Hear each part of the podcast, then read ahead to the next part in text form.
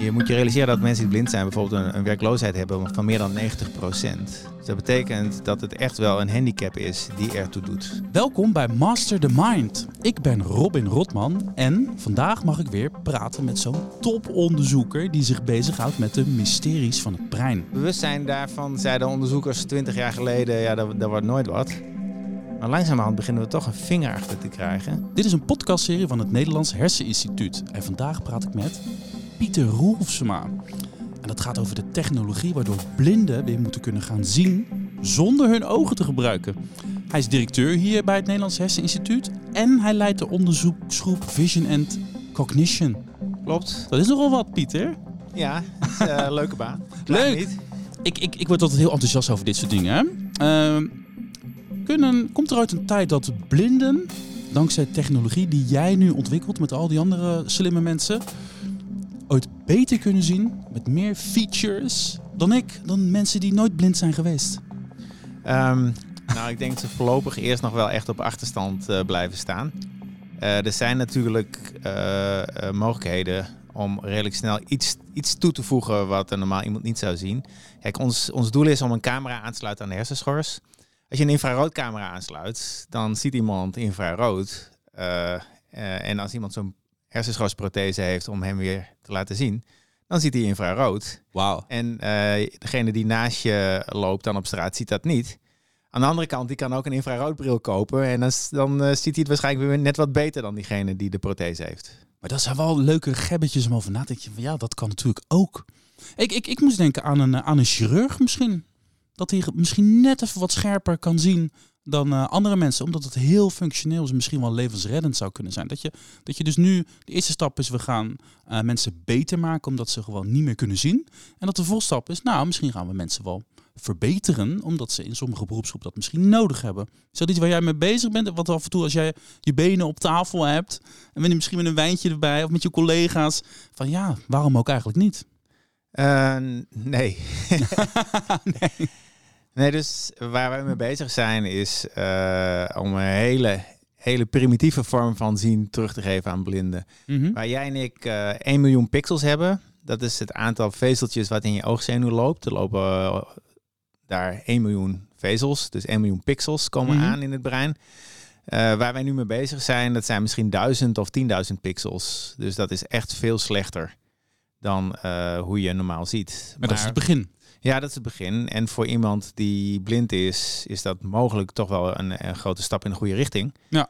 Eh, maar daar focussen we ons nu, focussen we ons nu op. En niet op, eh, op ja, vergezichten die misschien over 100 jaar werkelijkheid worden. Ja, snap ik. Mag ik, mag ik, ik, ik wil hier meer over weten. Die, die pixels, hoe werkt dat dan in het brein? Daar gaan we het zo over hebben. Misschien even helemaal terug naar het begin. Zie- kijken en zien.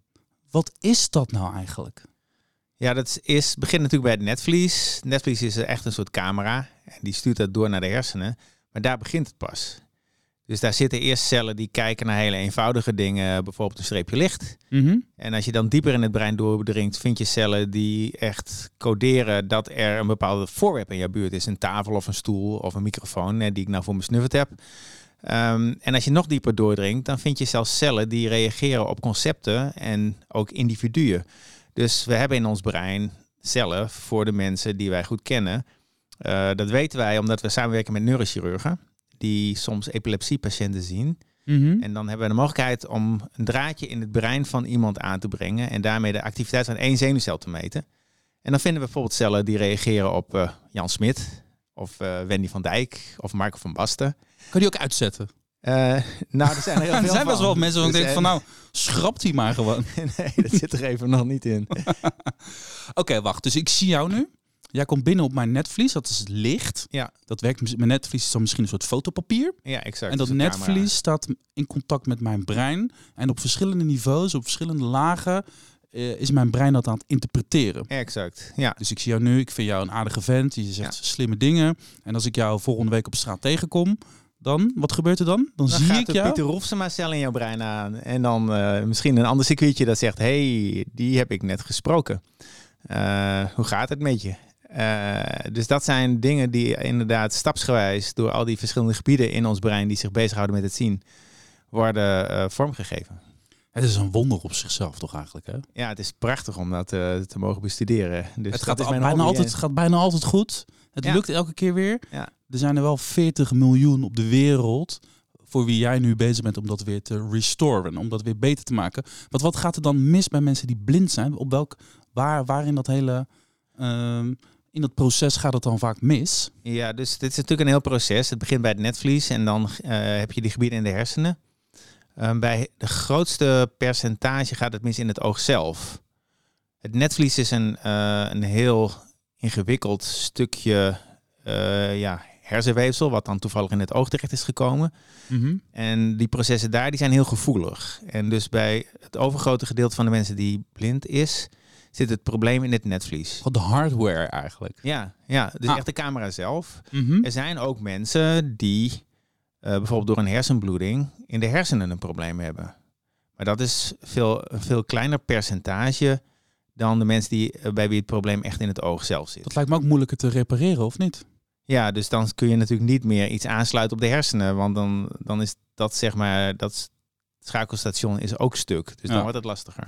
Oké, dus wij, hebben, wij lopen rond met twee camera's in onze gezicht. Ja, We kunnen Ja. er diepte mee zien, daar kunnen we van alles mee doen. Ehm, en jij zegt nu, die hardware die werkt niet bij mensen die blind zijn of niet meer. Eh, en dan eh, ga jij een camera op een bril zetten en die koppelen aan het brein met die duizend draadjes waar je het net over had. Is Ja. dat hoe, een beetje hoe het werkt? Ja, ja dus ehm, we weten uit eerder onderzoek en ook uit ons eigen onderzoek dat als je een elektrode, hè, dat is eigenlijk niet meer dan een klein draadje, in de hersenschors zet, in een bepaald gebied, dat gebied heet V1, noemen we ook wel de primaire visuele hersenschors, daar zit een soort kaart van de buitenwereld. Dus twee punten in de buitenwereld die dicht bij elkaar staan, die komen ook uit op die kaart bij twee groepen hersencellen die ook dicht bij elkaar liggen. Een hele systematische afbeelding van de hele buitenwereld op die kaart. Nou, als je daar een draadje in zet dan, en je stimuleert met een klein beetje stroom, dan prikkel je een paar van die hersencellen. En dan ziet die persoon in de buitenwereld op de plek waar normaal gesproken die cellen op zouden reageren, een, een lichtpuntje. Dat noemen we fosfeen. Ehm, nou, één lichtpuntje is niet super spannend. Maar eh, als je duizend draadjes hebt, of zelfs 10.000, dan kun je dus duizend lichtpuntjes maken, of zelfs 10.000, op verschillende plekken in de buitenwereld. En dan heb je als het ware eh, iets gemaakt waarmee je ook beelden kunt laten zien. En je kent dat wel van de, van de snelweg. Heb je wel eens een matrixbord. Daar zijn een heel stel lampjes. Nou, als je één lampje aanzet, dan zie je een stip. Maar als je een patroon van lampjes aanzet, dan kun je een patroon herkennen. En dat is hoe we ermee omgaan. Eh, die, er komt dus een, eh, een beeld van de camera in de bril van die patiënt. Dat wordt verwerkt tot een matrixbordbeeld. Echt veel minder goed dan het normale zien. Maar toch meer dan niks. En op basis van het matrixbordbeeld kan die blinde persoon dan hopelijk weer iets van eh, visuele functionaliteit terugkrijgen. En eh, waar sta je nu met jouw onderzoek, met jouw collega's? Is dat, kan je mannen van vrouwen onderscheiden? Of is het meer op vormniveau nog steeds? Of dat het een mens is of een, of een hond, bij wijze van spreken? Ja, dus in principe is het met 1000 pixels hebben we nu aangetoond. We hebben dat bij apen getest. Dat blijkt te werken. Mhm. Eh, we zijn op aan het schalen naar misschien 10.000 pixels.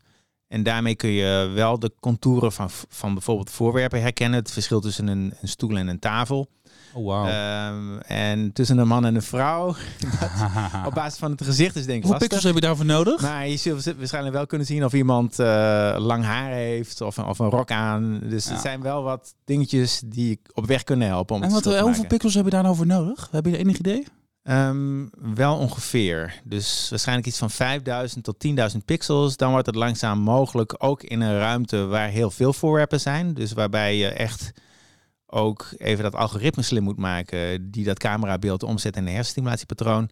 Dan kun je een eind op weg komen. Met de ontwikkeling van technologie zijn vaak de wetten van mo- eh, Moore van toepassing. Elke eh, anderhalf jaar verdubbelt de, de rekenkracht van een computer bijvoorbeeld.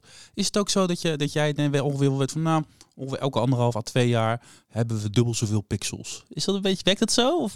Eh, nou, ik weet wel dat toen ik begon in, eh, in dit onderzoeksveld, maten we met één elektrode, één draadje in de hersenen van proefdieren. Ehm, en misschien tien jaar later met 50 en Kijk. 20 jaar later met 1000. Dus, En nu heb je het over eh, 10.000 al. En, en we denken er natuurlijk over na om, om dat verder uit te breiden. Die camera zit op mijn bril. Ja. Dus dan kan ik mee de wereld in kijken. Maar je kan die camera natuurlijk ook een paar kilometer verderop eh, zetten. Ja, dat kan. Zet je hem in de bioscoop en dan kan ik thuis blijven en dan eh, kan ik gewoon met de bioscoop meekijken. Ja, dat, dat kan ook als je ziet. Hè. Je kunt gewoon eh, ergens een camera neerzetten en het afspelen op de monitor op je bureau. En dat noemen we Zoom. En het werkt. Leuk. Straks meer hierover. Ik wil je wat, wat dilemma's, stellingen voorleggen. Om je een beetje beter te leren kennen. Kijken met wie we hier nou eigenlijk te maken hebben. Komt-ie. Eh, waar of niet waar, daarna mag je toelichten. Dus komt, komt goed. Eh, Pieter Roelfsema is liever doof dan blind. Want het gehoor is vooralsnog makkelijker te repareren. Waar of niet waar? Waar? Waar, oké. Ooit kunnen we breinen van mensen koppelen met een soort wifi-verbinding. Dan kunnen ze van brein tot brein communiceren zonder te praten. Ook waar? Oh, Wauw. Eigenlijk zouden politici een week lang geblinddoekt moeten rondlopen. We zouden dan pardoes meer geld krijgen om blindheid te bestrijden. Ook waar? Allemaal waar. Ja. Eerst even, eerst even liever doof dan blind, want doofheid is op dit moment nog steeds makkelijker te repareren dan blindheid. Ja, het hangt wel een beetje af van de vorm van doofheid. Maar in het binnenoor wordt ook een prothese aangebracht, het cochlea-implantaat. En dat bestaat al 30 jaar. En dat is nu een veilige medische technologie. Dus ehm, als, je, als ik kon kiezen tussen die vorm van doofheid die op die manier te behandelen is, zou ik dat prefereren boven blindheid. Je ziet ze wel eens hè, van die beelden dat iemand voor het eerst hoort. Echt tranen met tuiten, ontroering als mensen gewoon vogeltjes weer horen. Hoe gaaf is dat? Maar dat heb Ja, jij misschien ja. ook straks ik met die mensen het. die gaan zien. Wauw, de wereld Ja. komt ineens weer binnen. Je doet weer mee. Nou, dat- is ook wel. Er zijn natuurlijk ook andere groepen al die werken aan visuele protheses, bijvoorbeeld in netvlies. En Mhm. daar is het ook inderdaad zo dat die mensen heel erg blij zijn als ze na heel veel jaren voor het eerst weer iets via het oog binnenkrijgen. Wauw. Zie je je geliefde misschien weer. Hoe cool is dat? ja, exact. Ja. Wauw. Oké, eh, breinen van mensen koppelen. Serieus, ja? Wij gaan dan Ja. dit gesprek voeren. Onze breinen zijn En- nu al gekoppeld. Kunnen de mensen niet meeluisteren, ja, tenzij ze ook gekoppeld worden. Ja, ja in, in principe kan dat natuurlijk. Eh, je kunt de eh, hersenactiviteit van iemand uitlezen en kijken waar die aan denkt. En dat kun je natuurlijk sturen naar het brein van iemand anders. In principe, technologisch is dat niet eens super spannend. Ehm, ik denk dat er wel wat privacy dingetjes aan zitten. Ja. Als je zo bij mij Als ik op straat loop en, en er zijn gewoon mensen die kunnen mijn brein uitlezen. Ik geloof niet dat ik dat nou, dat ik heel vrolijk van die gedachten word. Nee, maar vergis je niet. Je moet wel eerst zo'n ding in je hersenen laten implanteren. Ah ja, dat is waar, Er ja, zijn nog een paar ethici die zich daar eerst over gaan buigen. Ja, oké, oké. Hey, en die politici, eh, als het gaat over onderzoek, de- de- deze vraag gaat natuurlijk over geld. ja, ja. Is er genoeg eh, animo, is er, is er genoeg geld om, om jouw onderzoek te doen? Om jouw discipline goed te doen? Eh, nou ja, we moeten subsidies schrijven en dat geldt voor alle onderzoekers. En dat doen we en dat doen we af en toe met succes. Dus ik klaag niet. Eh, maar eh, ik denk inderdaad dat mensen het gemakkelijk onderschatten wat de impact is van blindheid. Dus je moet je realiseren dat mensen die blind zijn bijvoorbeeld een, een werkloosheid hebben van meer dan 90% Dus dat betekent dat het echt wel een handicap is die ertoe doet. Dat is nogal wat. Ja, dat is echt heel veel. Ja. Dus eh, meer geld, meer onderzoek, sneller oplossen. Ja, iedereen die iets onderzoekt, de lever of ik dan toevallig blindheid, die zegt voor mijn discipline moet er meer geld komen. Dus dat maakt niet zoveel indruk. Maar ik denk dat het wel indruk maakt inderdaad als, eh, als je praat met iemand die blind is. Ja. Eh, Wat zijn nou in, in jouw onderzoeksveld de belangrijkste uitdagingen? Ehm, nou, als je het hebt over het maken van de visuele prothese, is het de veiligheid. Eh, dus er komt een neurochirurg aan te pas. Die moet iets in de hersenen van iemand zetten. Dus dan moet je wel echt zeker weten dat dat veilig is, dat het niet tot complicaties leidt en dat het lang blijft werken. Dus wij dat maken, weet je natuurlijk nog helemaal niet. Nee, wij maken nu gebruik van elektrodes. Dat zijn dus die draadjes waar ik het over had. Die blijken ongeveer een jaar te werken en dan stoppen ze. Dan werkt het niet meer, want dan krijg je toch een klein beetje bindweefselvorming rondom die draadjes. Waardoor er, als het ware, die zenuwcellen een beetje te ver van, eh, van die draadjes eh, gedrukt worden. En dan stopt het met werken. Dus je wil natuurlijk niet iemand... Dat is ook een afknapper eigenlijk. Ja, dus dan stel je voor dat het allemaal werkt. Iemand is razend enthousiast, eh, heeft er een heel aantal maanden plezier van en dan stopt het met werken. Dan gaat het beeld weer op zwart. Ja, dus dat zou je niet willen. En ehm, waar sta je nu? Je had het net over apen. Is, is er wel eens iets getest op mensen? Ja, Maar- dus uh, we hebben, werken samen met een groep in Spanje. eh, een, onderzoeker die heeft diezelfde technologie eh, getest bij een, eh, een patiënt die een heel aantal jaren blind was. Ehm, ik had het over die kaart, hè, de kaart van de buitenwereld. Mhm. Die elektrode die hij implanteerde dekte eigenlijk maar een heel klein stukje van die kaart af. Daardoor zag zij op een heel klein stukje in de buitenwereld kon zij stipjes zien. Dus dat zijn die fosfenen die ik al noemde. Mhm. Zij was in staat om eh, binnen dat hele kleine gebiedje ook eh, verschillende eenvoudige vormen van elkaar te onderscheiden. Ehm, maar zij, zij had ook toestemming om dit maar eh, voor een half jaar te doen. Dus daarna werd die chip weer verwijderd. Oh. Dus het is nog niet een therapie. Maar Hm. het was wel heel bemoedigend. Want die dingen die wij bij de apen vonden, die bleken ook gelijk toepasbaar bij haar. oh, wauw. Dit gaat over mensen die wel ooit gezien hebben. Dat klopt. Dus ja. het brein van deze mensen, van deze eh, slachtoffers, wou ik zeggen, patiënten, Ja, ja. ehm, die, die weten wat, er, wat, wat het is. Hè? Dus er komen beelden binnen en die, en die snappen wat daar gebeurt. Ja. Terwijl als je, nog no als, je altijd, als je blind geboren wordt, dan heb je eh, hersenen die beelden nooit, eh, nooit, die zijn niet getraind. klopt. Dat maakt nogal uit, denk ik. Ja, dat maakt, dat maakt echt veel uit. Dus eh, als je blind geboren bent, dan gaat dat stukje hersenschors wat zich normaal zou toeleggen op het zien, die gaat zich bezighouden met bijvoorbeeld het lezen van braille. Dus informatie die via je vingers binnenkomt. Of nog weer iets heel anders. En al die gebieden waar ik het over had, dus eh, het begint bij streepjes, dan eenvoudige vormen en uiteindelijk eh, het herkennen van objecten of zelfs gezichten, dat is er allemaal niet. Dat, dus dat is nooit aangelegd. Dus als je daar dan gaat inpluggen en hersencellen gaat stimuleren, dan leidt dat niet meer tot, eh, tot interpreteerbare vormen. Weet je waar ik een beetje aan moet denken? Ehm, aan, als je teksten leest zonder klinkers, dan eh, maak je je brein er gewoon woorden van. Ja, Brrr. Geldt dat ook voor, voor het brein die, zeg maar, eh, het brein dat, moet ik zeggen, eh, pixels binnenkrijgt. Een beperkt aantal hoeveelheid pixels. Eh, en, en dat je brein daar automatisch dan wel beelden van maakt. Omdat een paar stipjes van een hond op de juiste plekken, dat het brein dat vanzelf dat, die, dat plaatje intekent. klopt. Ja, dus je kunt eigenlijk met, heel, met een heel klein aantal stipjes per object, kun je vaak toch nog herkennen wat het is. Zeker als het ook nog beweegt. En eh, op de manier waarop je verwacht dat, eh, dat het zou bewegen. Als er bijvoorbeeld lampjes op de, op de randen van een object zouden zitten. Maar dan zou je misschien ook, eh dan gaat mijn brein die gaat meteen tetteren nu, mee- meedenken met je, maar misschien zit ik helemaal ernaast. Ik kan me voorstellen, als je dan een beperkte hoeveelheid eh, pixels hebt, dat je daar een stukje kunstmatige intelligentie tussen zet, die bij de beelden die binnenkomen, met- met- meteen zegt van oké, als we de stipjes op die plekken zetten, dan is de kans het grootst dat dat brein herkent wat het is. Ja. Is dat, gebe- gebeurt dat? Dat is precies wat we doen. Exact wat we doen. Oh, Dus dat, eh, je had eh, goed meegedacht. We werken samen met mensen in Nijmegen. Ehm, Oh, waar, waar zeg maar, en dat zijn experts op het gebied van kunstmatige intelligentie. En die helpen ons om camerabeelden om te zetten in hersenstimulatiepatronen die maximaal interpreteerbaar zijn. Ja, precies dat. Oh, wauw. Nou, oké. Goed zo, ja, mooi. Goed. Maar baby's, die hebben ook nog nooit beelden gezien. Klopt. Daar Dus, werkt het wel, uiteindelijk. ja, dus bij baby's zijn al die hersenverbindingen nog in, in beweging. Plastisch noemen we dat. Mhm. En op basis, wat op basis van wat baby's zien, worden die, al die verbindingen langzaam aangelegd. Eh, en ik moet eerlijk zeggen, hoe dat precies werkt, er zijn nog wel best wel veel vragen over op te lossen. Mhm. Maar we weten wel dat op een gegeven moment gaat die plasticiteit verloren. Eh, bijvoorbeeld na het zevende levensjaar is het echt niet meer heel sterk. Dus als iemand eh eh, ja, problemen heeft met het zien voor het zevende levensjaar, dan, en, en daarna is het bijna niet meer te herstellen. Oh, Als het daarvoor is, en zeker in de eerste paar, paar maanden, als je dan nog iets doet, bijvoorbeeld als iemand eh, een troebele lens heeft Mhm. eh, in twee ogen.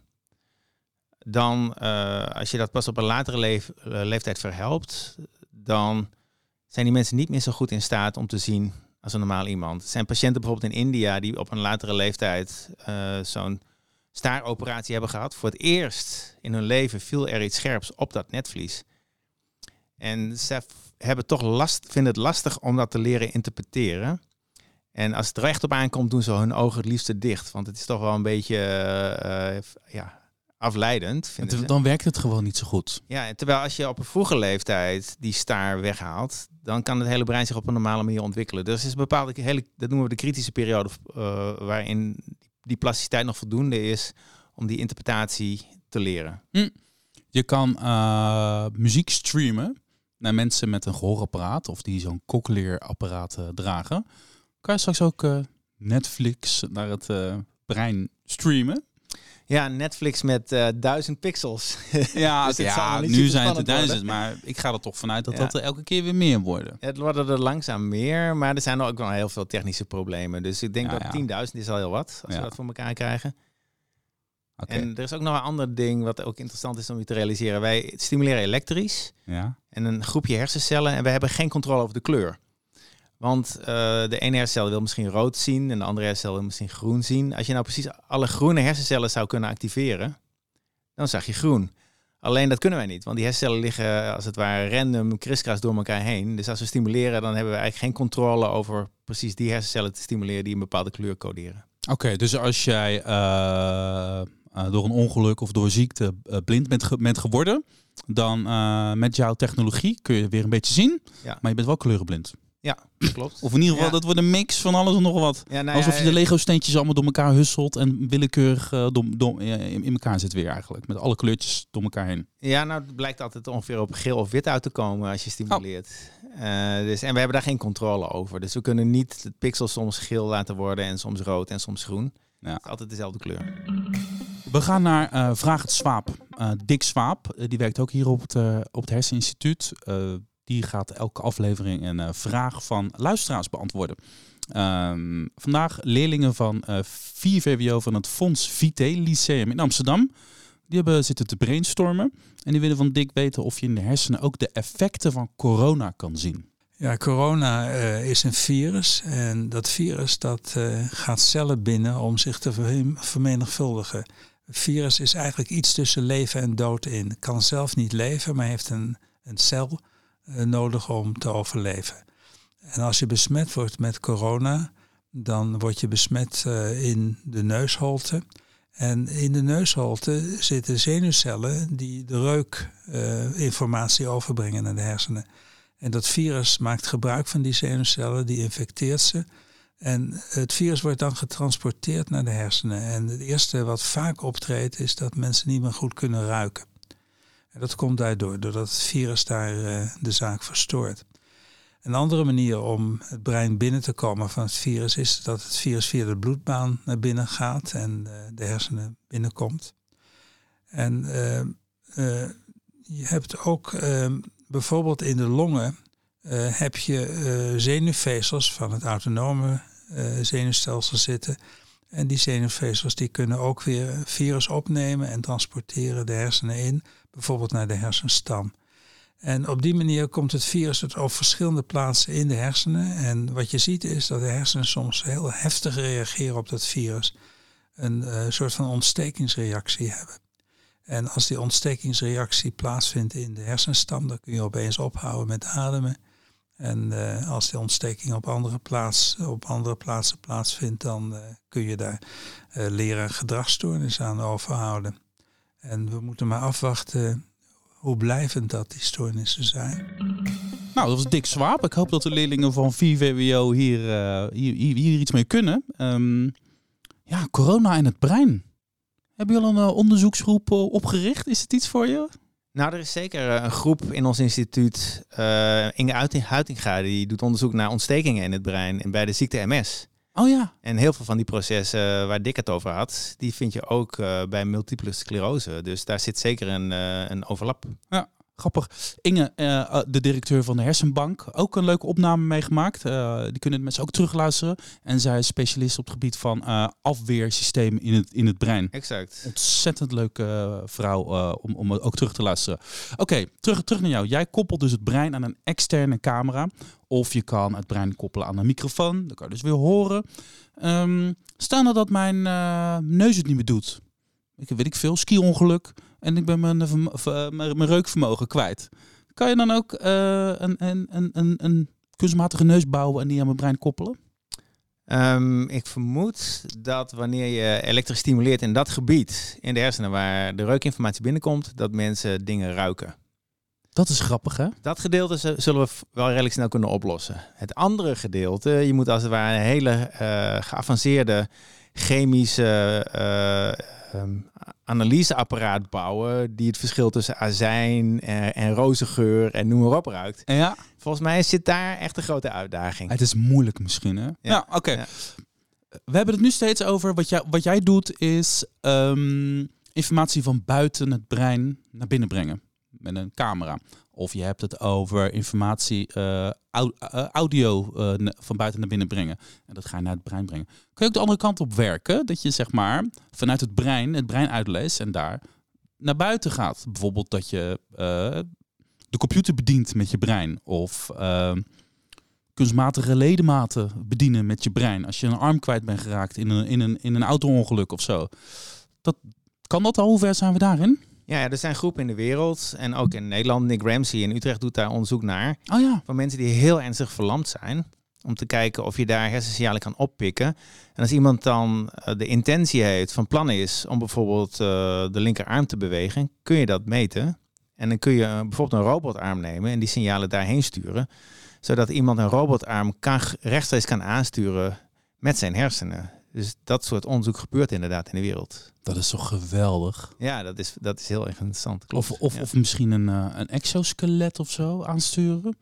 Dat je, Ja, de exoskelet, dat wordt natuurlijk ook al gedaan. En die pikt gewoon eh, op bij iemand die normaal beweegt, wat je van plan bent. En die doet dat dan gewoon tien keer zo krachtig. ja. Dus daar hoef je niet voor in de hersenen. Maar als iemand verlamd is of een Ja. ander, ander probleem is met signaaloverdracht in de hersenen, dan is dat een mogelijkheid. Auto's besturen met het brein, vliegtuigen besturen met het brein, drones besturen met het brein. Ja, ja dat klopt. Dat, eh, een deel van dit soort onderzoek wordt soms ook bekostigd door, eh, door de militairen. Ah ja. Dus eh, een collega van mij in de VS die doet onderzoek naar het uitlezen van hersenactiviteit om weer een arm of, of, een, of een been te bewegen. En hij had het geld van de Amerikaanse defensie. En toen zeiden ze, nou breng je patiënt nou maar naar de luchtmachtbasis en kijken of die ook een, een vliegtuig kan aansturen met de gedachte. En hij had zoiets van, nee hoor, dat gaan we echt niet doen. En vervolgens eh, stond er een vrachtwagen een paar, da- een paar dagen eh, later bij hem op de stoep. En die zeiden, we komen de apparatuur weer inladen, want eh, u werkt niet mee. Dus Jeetje. af en toe kan het heel raar lopen. Maar wat, wat- zijn er dan dingen waarvan jij denkt, als jij hier aan denkt van oké, eh, dat oog ben ik mee bezig, gaat goed. Als ik nog eens een paar uurtjes in de week over zou hebben, wat, wat zou jij dan leuk vinden om aan te sturen met het brein? Dat je, dat je die andere kant op gaat. Zijn er dus, heb jij daar een liefhebberij in? Nou, het is heel relevant voor ons eigen onderzoek al. Oh. Want eh, wij, wij stimuleren eh, zodat iemand weer een stipje ziet.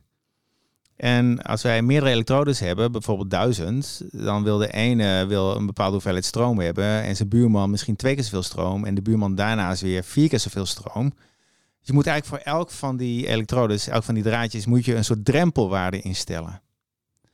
En het blijkt nou dat als je hoger op in het brein meet, dat wanneer die drempelwaarde overschrijdt, is dat meetbaar in dat hogere gebied. Dus normaal gesproken, om die drempels te bepalen, moet je eerst stimuleren bijvoorbeeld met, nou dat gaat in microampères, dan stimuleer je met 10 microampère. De patiënt ziet het nog niet, dan versterk je 20 microampère, nog steeds niet, 40 microampère, nou zie ik wat. Ah, Bij de volgende, dus dan moet je steeds op een knopje drukken. De volgende elektrode is misschien 80 microampère. Als je dat voor 1000 elektrodes moet doen, dan ben je een paar uur bezig voordat je voor elk van die elektrodes weet wat de drempelwaarde is. Als je het nou rechtstreeks kan uitlezen in een hoger gebied of het sterk genoeg is of niet, dan kan die, die persoon die die, eh, die die prothese heeft intussen gewoon wat anders kan, eh, iets, iets anders doen. En dan kun je dat zeg maar buiten, buiten dat er inspanning vergt van die patiënt voor elk van die elektrodes de drempelwaarde instellen. ah, dus het brein uitlezen om vervolgens in de buitenwereld daarmee iets mee te doen. En eh, informatie van buiten naar binnen halen om daar het brein mee te voeden. Ja. Die vakgebieden die werken eigenlijk samen. Exact. Oh, Ja, wauw. ja, ja. Waarom doe jij dit? Wat drijft jou? Dit is mijn hobby. Dit is Dus, jouw hobby. Je begint ook helemaal te glimlachen. al- Normale mensen die gaan gitaar spelen of zo, hè? Ja, ja, ja, ja, ik was ook wel een beetje een nerd, maar ik vind het nog steeds super leuk.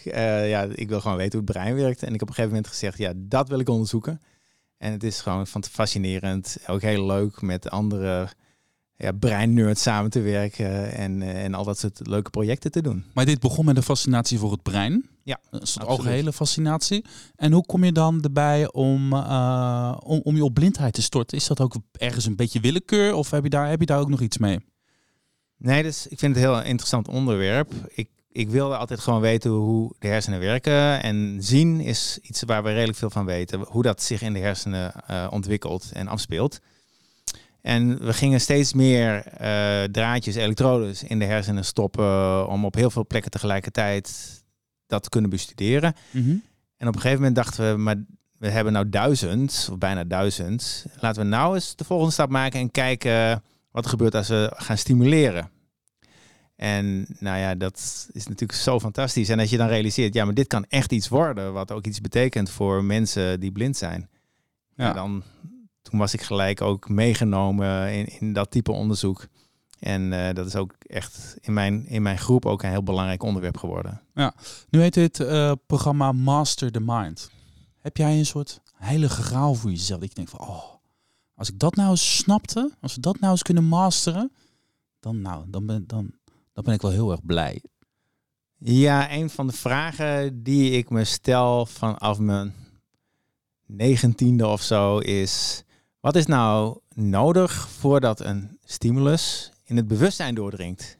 In het bewustzijn door. Ja, Hoe bedoel je dat? Dus eh, ik loop over straat en er bereikt van alles bereikt mijn eh, netvlies. Er zijn gebouwen, maar eigenlijk inderdaad voor een belangrijk deel onbewust. Totdat ik mijn aandacht ergens op zet en dan is het bewust of zo. Bedoel je? Maar dan ben je er ook aan het op zoek naar de antwoord op de vraag: wat is bewustzijn? klopt. Ja, en dat is natuurlijk een superleuke vraag. Eh, dus dat heb ik altijd willen weten. En één trucje wat we gebruikt hebben in een onderzoek eh, een paar jaar geleden is... als je nou iets eh, laat zien aan iemand, maar het is bijna niet zichtbaar... dan kun je elke keer hetzelfde laten zien. En soms zie je het wel en soms zie je het niet. Mhm. Wat is nou het verschil? En wat bleek? Dat de dingen die je ziet, die dringen beter door in hogere schorsgebieden. Zelfs in de frontale hersenschors. Mhm. En het blijkt dat wanneer iets doordringt in de frontale hersenschors, dat het dan kennelijk sterk genoeg naar die gebieden is getransporteerd, die informatie. En dan dringt het in één keer door in het bewustzijn. Dus een eerste indruk hoe dat werkt, die beginnen we al te krijgen.